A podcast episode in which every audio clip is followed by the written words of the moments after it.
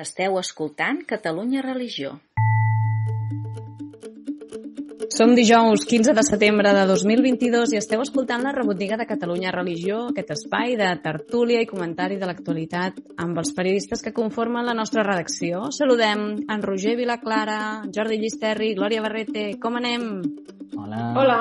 Déu guard.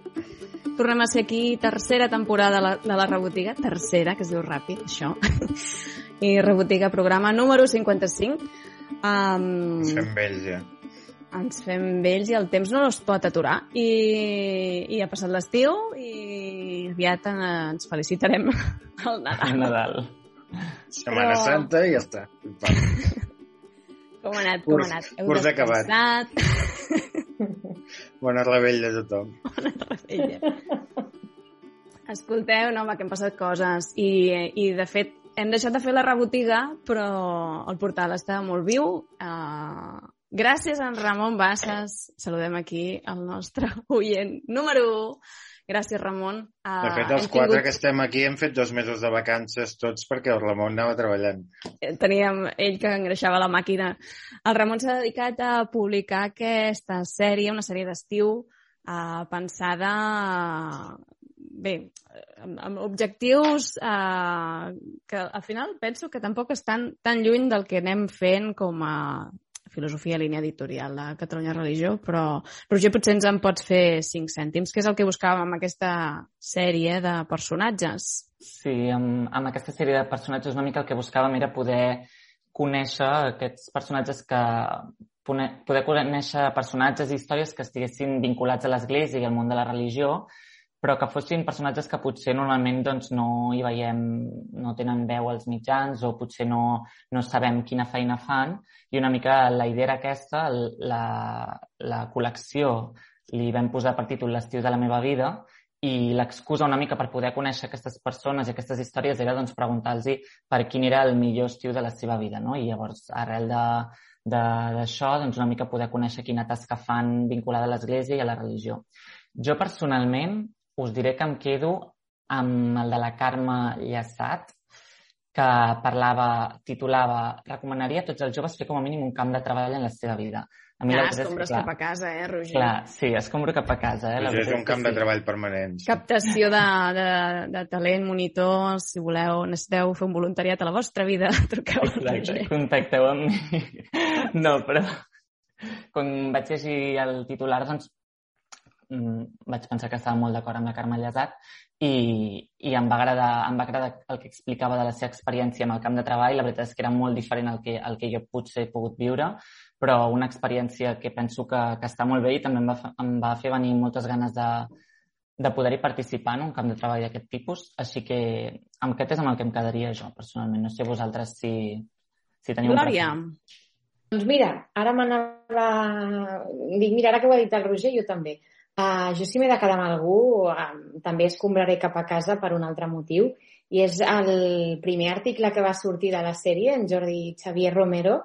Um, ell és participant del Club de Lectura en Fe de Llibres i, de fet, curiosament, en, en Ramon Bassas no el va escollir per això, no? I va ser com una sorpresa molt, molt agradable de cop i volta trobar-me aquesta peça al portal i dir, ui, aquest és el que mensualment es connecta no? des del poble de Tarol i de vegades de Barcelona i poder tenir l'oportunitat de saber més coses d'ell va ser bueno, molt curiós i de fet és, eh, és molt interessant, eh? és d'aquestes persones que jo crec que gràcies a ell en aquest cas eh, encara està d'en peus Sant Pau del Camp, doncs literalment a la peça ho explica i, i si teniu ocasió doncs recupereu-la.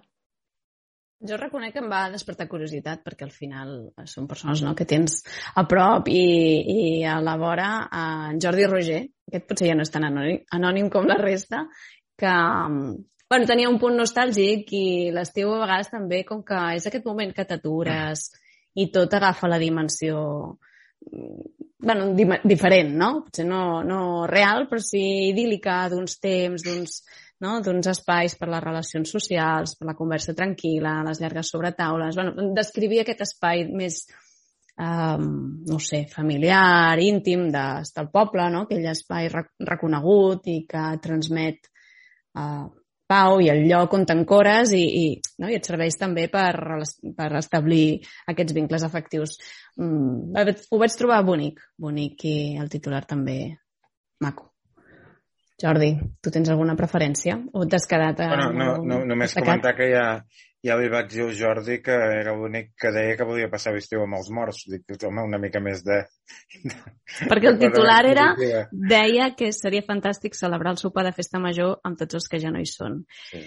Molt sí. poètic, però jo li vaig trencar la poètica, com sempre. Bueno, ja saps que a vegades, clar, els títols eh, no els posen els entrevistats. Això. Mm. Uh... No, hi ha una cosa també a comentar, que és el, quan, el, quan vam proposar fer aquest, aquest format, aquesta temàtica, i el Ramon pel grup de WhatsApp que tenim dels col·laboradors doncs ens demanava nom, propostes de noms de gent, va passar el que passa sempre, que quan en duien 10 o 12 proposats va dir, bueno, ni les dones, mm, perquè no en sortien. Llavors vam fer un dels que a mi també m'ha creat més l'atenció, que és el de la dona del Joan Pere, l'Amèric. Que, que, que clar, tothom coneix el Joan Pere i, i a més amb el, amb el, amb el Joan la, la relació amb diguem, la importància de la, de la Mary en la seva vida és molt, és, és molt rellevant, no? I, i la idea aquesta, això, de, que, que, que de, de recordar doncs, com, a, com a un gran estiu al viatge a Terra Santa i aquest, eh, doncs, em, em va semblar que era, que era, un, que era un bon testimoni. Mm, i al final déu nhi de les dones que, que han sortit, perquè al principi mm. patíem molt per això, però encara... Una de cada quatre, una de cada... Sí. Ja, doncs no, no arribem al... Cada tres i mig. No arribem al mínim, sí. no arribem al mínim. No Costa, és que no sé per què passa això. Aquesta... Um, aquest pudor a la cosa pública i de voler preservar...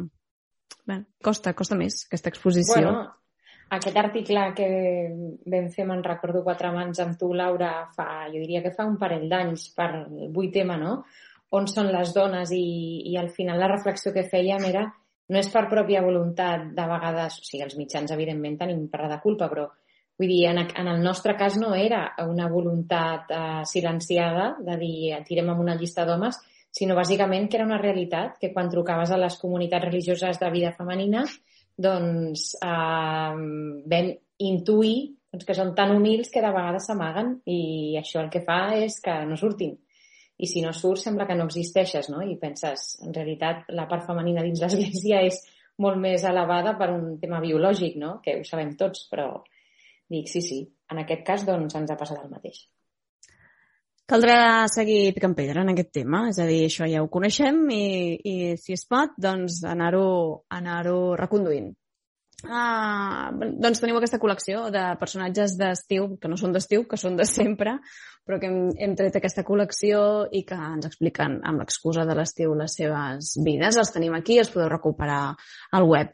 Què més? Durant l'estiu han passat mm, coses, no? Uh, no hi érem, però la vida continuava. Uh, potser que si fem una ullada als més llegits del mes, que també és un dels filtres que tenim en els continguts, en aquesta nova pàgina web. Ho hem dit, que hem estrenat pàgina web?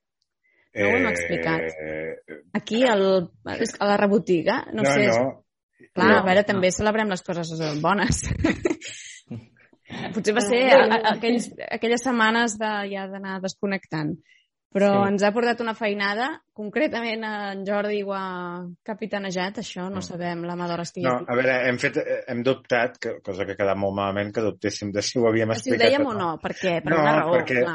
tampoc és que haguem fet una web nova, o gran canvi, diguem No hi ha un canvi de disseny. La, la, la, des del 2009 hem tingut dos grans canvis de web, una el 2014 i l'altre el 2017 o 18, que és l'últim que vam fer, eh, que eren els més visibles des de fora, i on refèiem el disseny i alhora també refèiem el, diguem la, els criteris d'ordenació.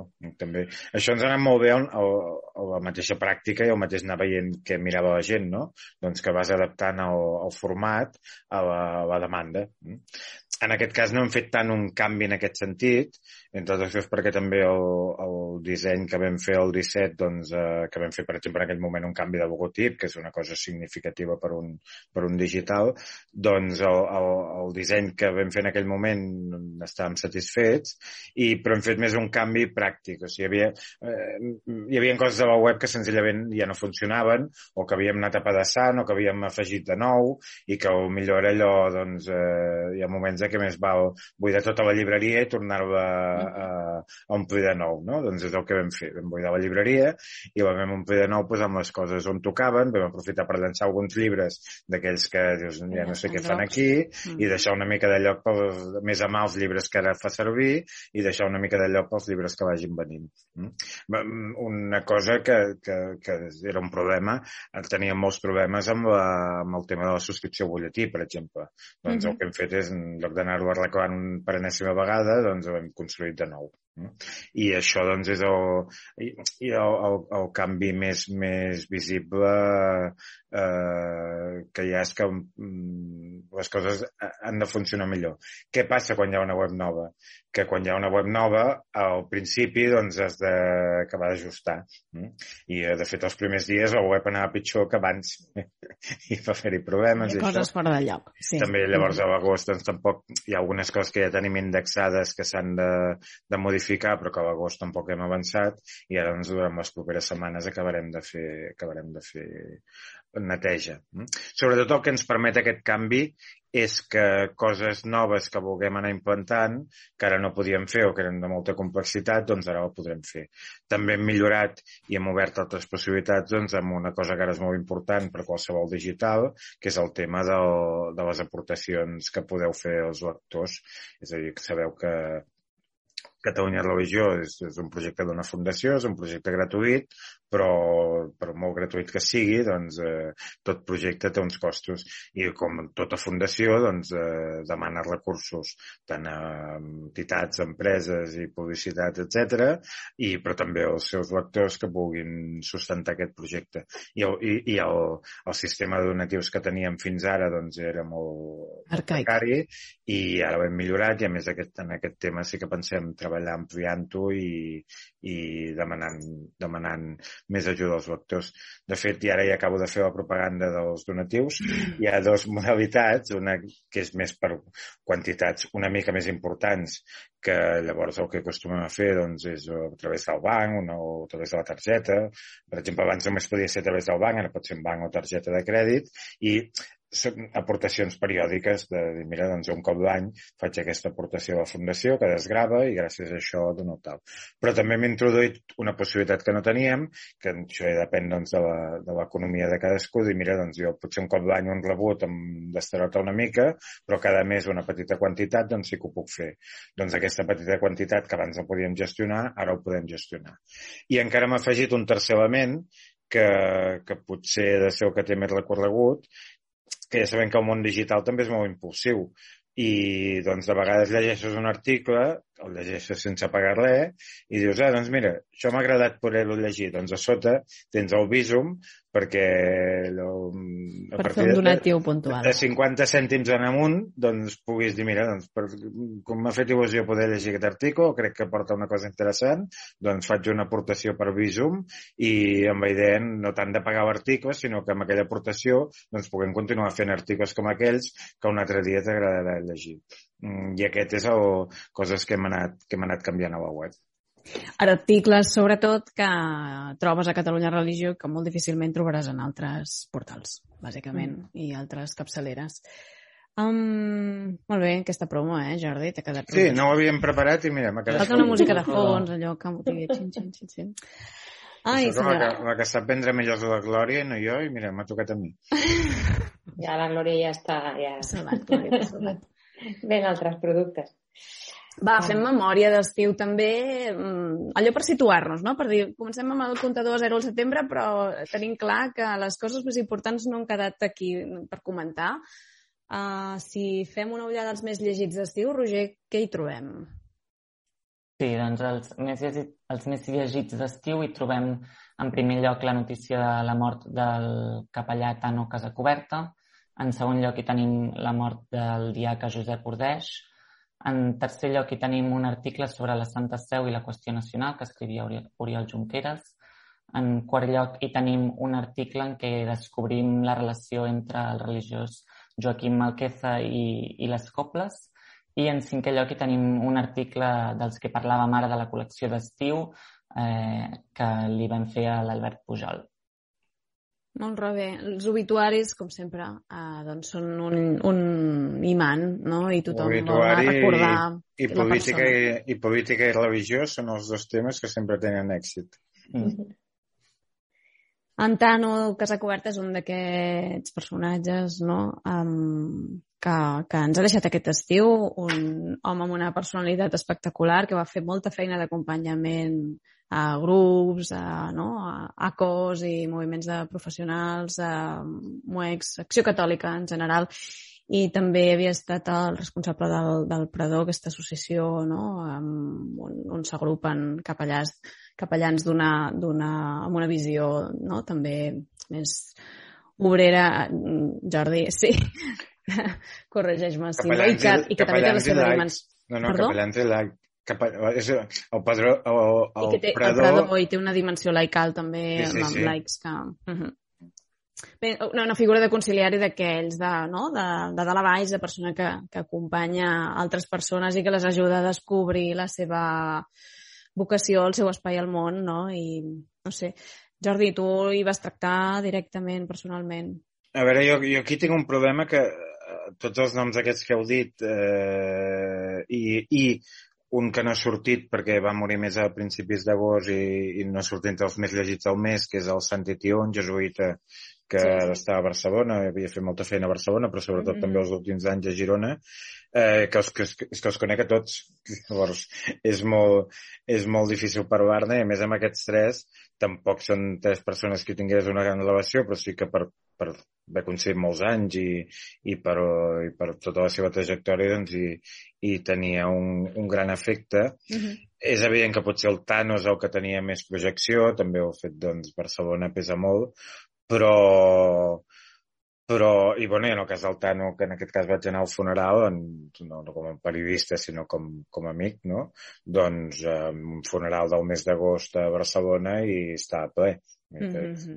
Són gent, són, no, són gent que, que tu parles de l'Església de Catalunya de fa 15, 10, 20 anys i són la gent que la sustentaven. Mm -hmm. Clar, doncs ara estem en, en aquest relleu generacional i, i, i tots els... També són gent que els que estem gent que estem als 50, 60 anys, doncs jo estic als 50, eh, no als 60, però gent d'aquesta generació, doncs al final són els capellans joves d'aquell moment que es van formar mm -hmm. i que ens, van, que ens van acompanyar en el seu moment i tal, i per això, eh, de fet, el Bordeig no tant, perquè Bordeig era el tema litúrgic, però tot i Bordeig, de fet, era un liturgista eh, que tenia el Josep Bordeig que tenia un diaca permanent, en aquest cas, no un mossèn, però que tenia una, diguem, vida molt més enllà del, del seu del seu ministeri de dia que es dedicava a coses de teatre, per exemple, i altres. I, i també són gent que llavors tenien doncs, molta xarxa i que sabien doncs, un tema de litúrgia que en general ens sona avorrit i, i de quatre tiquis-miquis, doncs eh, tenia la capacitat també doncs, d'apropar els temes litúrgics a la gent. No? Mm, bueno, doncs el, els, hem, els hem perdut aquest estiu. Aquest Lourdes um, que, que explicaves, tot aquest tema de la, barba, de, sí. la litúrgia. El de la barba. Sí, és que és molt uh, representatiu. La, la foto Clar, jo, que, jo que quan vam... tenia 18, 18, devia tenir 18 o 19 anys i vaig conèixer aquell senyor amb aquella barba. Va impactar, eh? encara, encara estic encara impressionat. Encara te'n recordes. No, la imatge del 2017, no, que, que el CP la va lliurar als arxius del tercer congrés de litúrgia de Montserrat, a, allà a l'abat de Montserrat en aquell moment, Josep Maria Soler, em sembla que la mateixa foto parla, no? D'aquest... Clar, ella anava, estava assegut a la cadira i la resta, no?, com escoltant, que és el que havia d'explicar el, el mestre, no?, a la, a la resta. En fi, que si, si teniu ocasió de... o si recordeu la imatge, en fi, que a mi A vegades um, els textos, evidentment, els escrivim perquè la gent se'ls llegeixi, però les fotos també també parlen molt, no? Però també us diré que normalment la gent quan es mora tothom en parla bé. Mm, és bastant educat fer-ho així. Però en aquests tres casos mm, no, no se'n parla bé perquè toca, sinó perquè realment eh, són persones que tenien que, que, que, que, que molta gent els, els hi tenia un gran efecte. Home, pels joves, més joves, tipus Roger, direm que era el primer hipster a Catalunya, diríem, dins l'Església. Ell ha marcat una tendència que després molt, molts joves han seguit, no? Ara, ara hi ha una altra diaca, que no recordo el nom, que és, de, diguem, que és de la mateixa estètica. O sigui, Veus? Tingut, ha tingut ha la llei, tingut la llei. Ha marcat una Ja línia. podríem fer una sèrie d'homes barbuts, Com es va... que també n'hi Home, ha. tenim un caputxí que és el número 1, també. Exacte. Clar, sí, sí, sí. sí. El trobareu amunt i avall al herbes Passeig de. Gràcia. Amb les herbes, amb les herbes ramelleres. La Maieres, ja.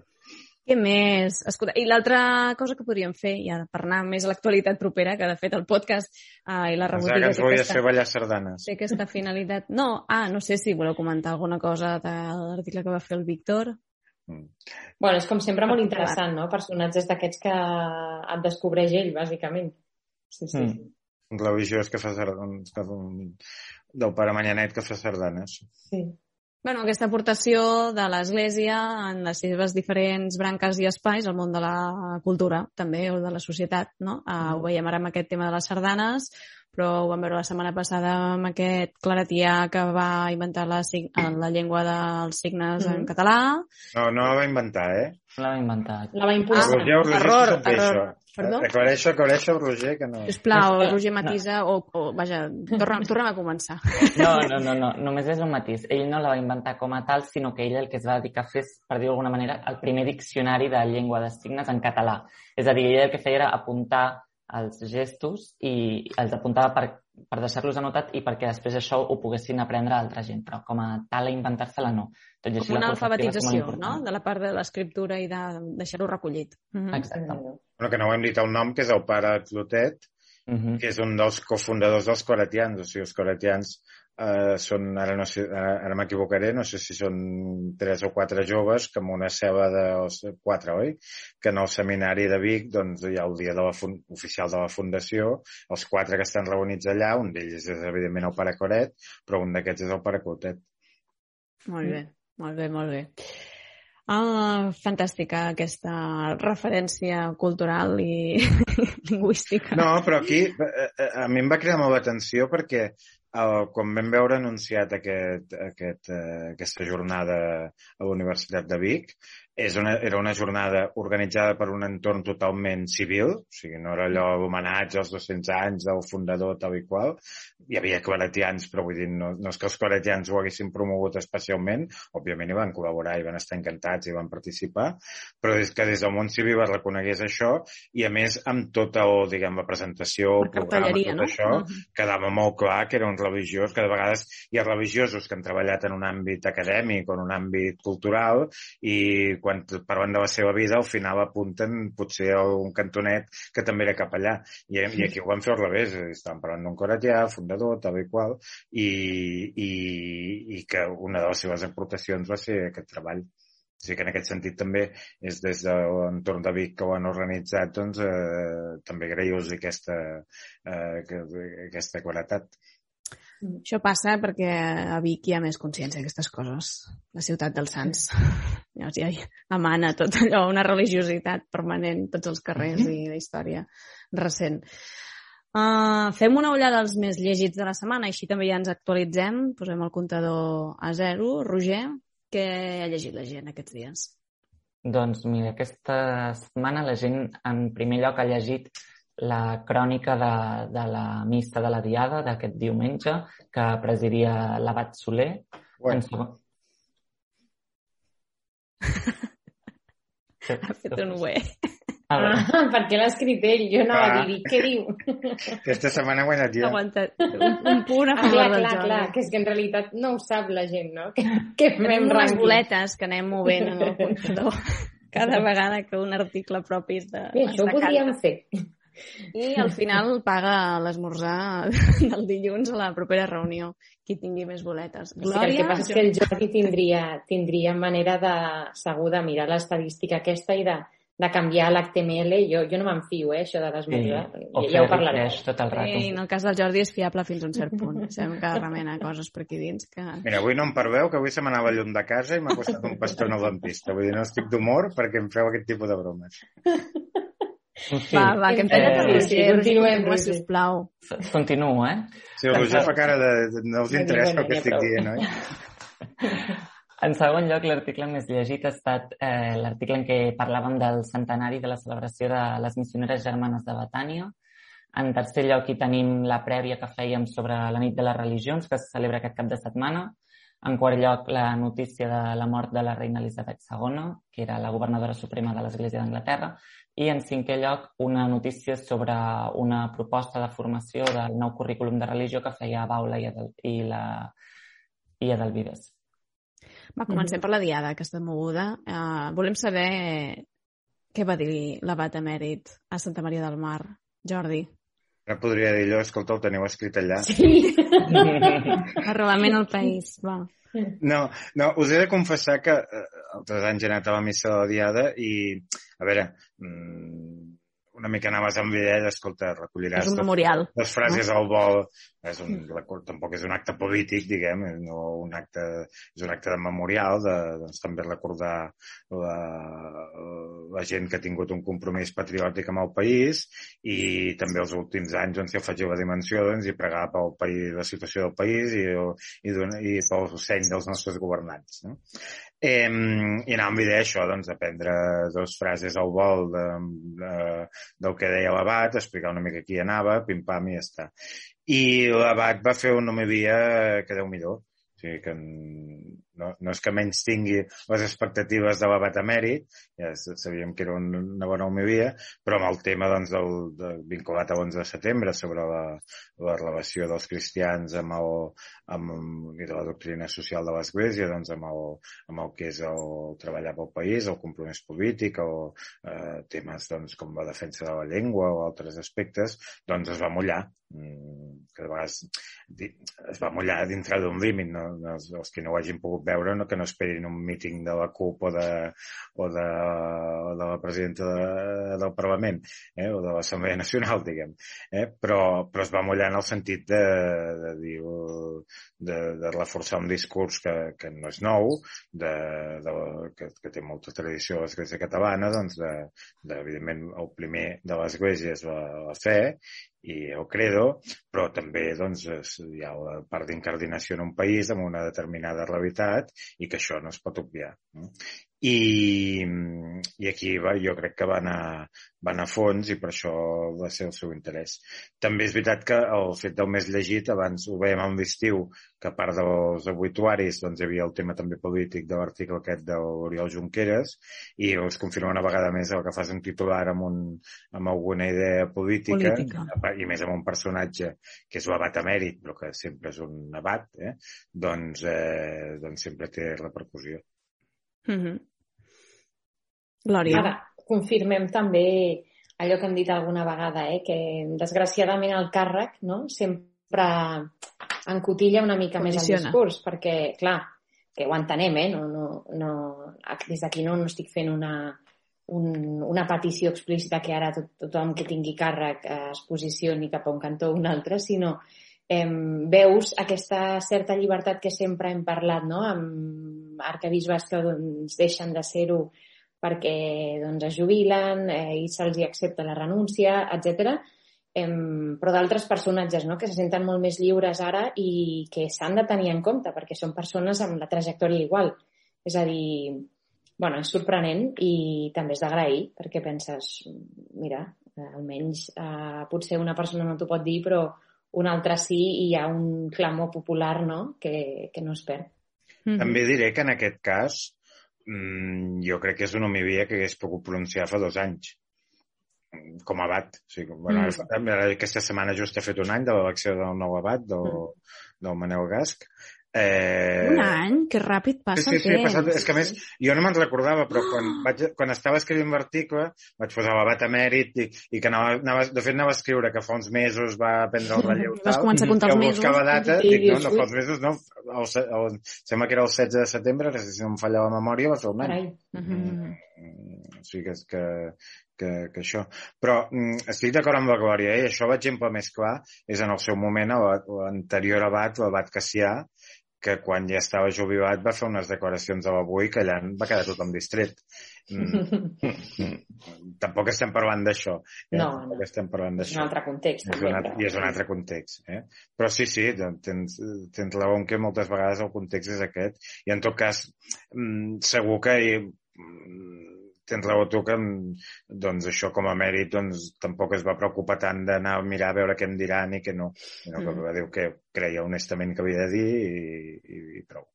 A veure, entre d'altres coses, diu... A veure, coses molt raonables. Vull dir que al final, eh, si parlem de política, parlem del bé comú, no? del treballar pel bé comú, no? i que diu que estimar la pàtria no és només un tema sentimental, no? sinó de, de compromís a favor no? del, del, de la població, dels ciutadans, demanar per resoldre els conflictes a través del diàleg i la possibilitat no, de treballar per decidir el futur col·lectiu per mitjà de processos Democràtics. democràtics no? i pacífics. Ah, doncs la Glòria se'ns ha quedat sense llum.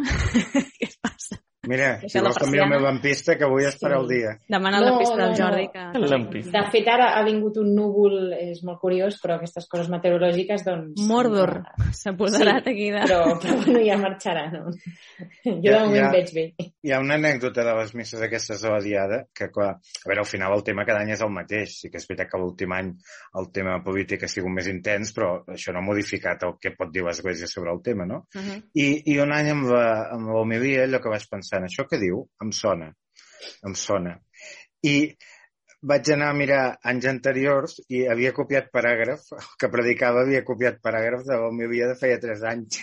Ah, és que arriba un moment que si allò ja estava ben escrit, per què ho has de refer? Però més, literals, eh? No, no, no era allò... El Jordi Llisterri. No, no era allò de, de s'assemblen, t'inspires amb el que ja vas dir, no, no, allò, copy-paste.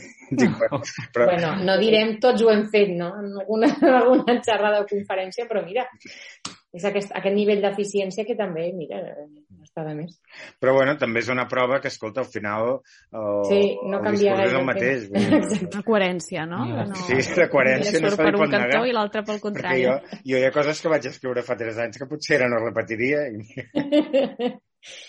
Escolteu, dins d'aquests més llegits, ara faig ja canvi de tema, eh? Si se'm permet, eh, només anticipar que aquest cap de setmana ja se celebra a Barcelona la nit de les religions, eh, aquest esdeveniment que ja ha arribat a la setena edició, si no Mhm. m'equivoco, i, i que, bueno, que inclou algunes novetats. Sempre, quan mirem el programa, diem, ostres, déu nhi que complex organitza tot això. Ara, que, com ho deuen fer? Perquè són Mm. moltes comunitats, són interlocutors que et canvien d'un any a l'altre, no? Aquell senyor o senyora ja no contesta el telèfon, ara com faig jo, no? L'itinerari aquest i des d'aquí reconèixer la feina que fa l'Audir, eh, no? aquests grups de, de diàleg de la UNESCO i la Glòria... Ai, la, la Glòria, perdó. Ja faig canvi de noms, estic fatal avui.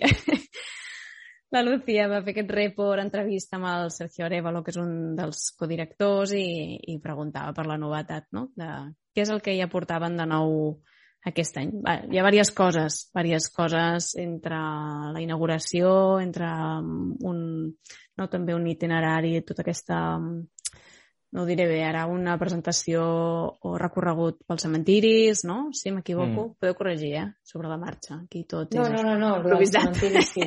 Sí, sí, és, és així, és així. I, bueno, que endavant, que ho agendeu i que hi ha una pila d'actes i que els que estigueu per aquí, doncs, hi, hi participeu. Sí. I una cosa molt xula, que, bueno, que ara no recordo si en el programa anterior, en altres edicions ho han fet, però que com el tenim en publicat, es pot consultar fàcil, és el mapa de Barcelona i van situant no, allà on, on són les activitats i és quan te n'adones que no és allò al centre, eh, sinó eixamples una mica el mapa i penses, déu nhi Sí. eh, no arribes a tot segur, o sigui, oblidem-nos d'això, eh? té mèrit i hi ha molta diversitat. Per tant, per triar, remenar, això és com anar al mercat, però de nit. Eh? Aneu allà on, on vulgueu, que us expliquin les diferents conviccions i creences, increences i una mica de tot.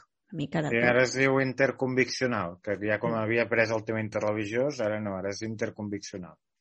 Bueno, és el títol més llarg que hi han afegit. Conviccions, creences... Uh -huh. I creences. què més, què més, els més llegits? Uh... Ah, una cosa, ara que estàvem en el Marc de Barcelona, Sí? faig un salt, eh? Però és que no podem deixar de comentar uh, Home, què va passar I tant. uh, què va passar al PI fa, fa molt pocs dies, amb la música màquina, per favor. déu nhi Mira, no sé si Ah. és, si és un canvi de paradigma i, i, i inclús ja les esglésies estan buscant mm, noves maneres d'evangelització. Jo ja no ho sé, eh, però jo ja ho he vist tot. Aquesta frase que diu molta gent, dic, doncs jo pensava que ho havia vist tot, doncs no, eh, encara queda més. I segur que vindran altres coses que ens sorprendran i en parlarem. Sempre Però sí, ens hem de sí. deixar sorprendre, eh? Jo crec, Oh, va, va ser la primera reunió que vam tenir tornant de l'estiu, que ens trobàvem tots entre no, relleus diversos i així, vam seure i va sortir aquest tema, recordo escoltar les cançons i vam acabar... Sí. Algú ballava per allà dins, sí, en fi. Música màquina per parlar de les capelles i fer tot un itinerari, un circuit a mig, eh, no sé, místico electrònic i, vaja, jo m'imaginava alguns perfils que, que no sé si ho, bueno, trencava cànons i tot el que pugui ser esperable. Tampoc diria que és extremadament modern en el sentit de va, última tendència musical, perquè de fet la música màquina No, jo l'associo ja anys enrere, però Sí, clar, no deixa de xocar, no?, que, que bueno, el registre, el lloc, la manera... Sí, en fi, com tot tenim el el, vídeo YouTube, eh?, que si tot el treball de curiositat... darrere, en veritat, perquè de vegades escoltes la música màquina i penses que això és un xumba-xumba i ja està. I mm, pel que s'explicava una mica, cada capella tenia com el seu significat, s'havia treballat perquè el xumba-xumba era d'una manera o d'una altra, vull dir que Sí, sí, Xumba, sí. xumba. Hem de molt canviar el, curiós. el I es titular. veu, i afegiré una curiositat. Vull afegir una curiositat que no sé si haurà seguit sobre això, però el més curiós és que es veu que, que després de, de l'organització, el, que, el que ho havia organitzat tot, eh, després de, de l'esdeveniment es veu que va perdre tots els... que li van robar tot el que era l'equip tècnic i tal No! a fora, a fora de la basílica, bueno, que es veu que per les xarxes va posar que ho havia perdut tot i que probablement trigaria molt temps a poder tornar a fer un esdeveniment similar per, per tornar a tenir com tot l'equip. És a dir, que qui no hi va ser eh, es va perdre un gran esdeveniment que, que serà. Irrepetible! Bueno, però que tenim nosaltres en vídeo a YouTube, això, això és quasi inèdit, ja, ja ho podrem dir. Sembla mentida, però ja ho podrem començar a dir. Oh, quina pena. Doncs quina pena, sí, exactament. Bueno, no sé, mireu per Wallapop, que ningú s'estigui venent aquí uns Sí, bafles no, ja, de maquineros. comentari ja, ho- ja el van fer també ja no va trobar res, pobre. Mira, Ai, senyor. L'art. Jo, com que no hi vaig anar i només vaig veure el vídeo, crec que qualsevol comentari que faci seria espatllar-ho, per tant, no afegiré res a l'opinió del Roger. No, no, no, però amb aquesta mateixa línia, eh, que, no, que no ha sortit perquè no ha donat temps a que ho llegeixin, ara ho direm així, però ara us sorprendrà també la peça que hem publicat avui mateix, que és eh, com l'univers poètic de Sí. David Jou es eh, transforma en un espectacle de dansa eh, al Teatre Gaudí de Barcelona en aquest cas, però que ha voltat per diferents ciutats des del 2021.